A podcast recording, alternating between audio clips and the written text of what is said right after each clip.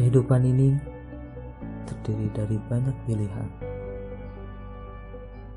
Ada yang baik, ada yang buruk. Jangan larut dalam penyesalan. Tidak baik terlalu memaksakan untuk sebuah keadaan. Jalani saja dengan penuh kepasrahan, karena perubahan itu pasti datang perlahan. Berhasil dan gagal itu merupakan satu paket. Semua itu hanyalah untuk ujian hidup. Tetap optimis dan jangan buat hati menjadi redup. Keluarlah dari lembah kebodohan, mempalah kesadaran untuk sebuah perubahan.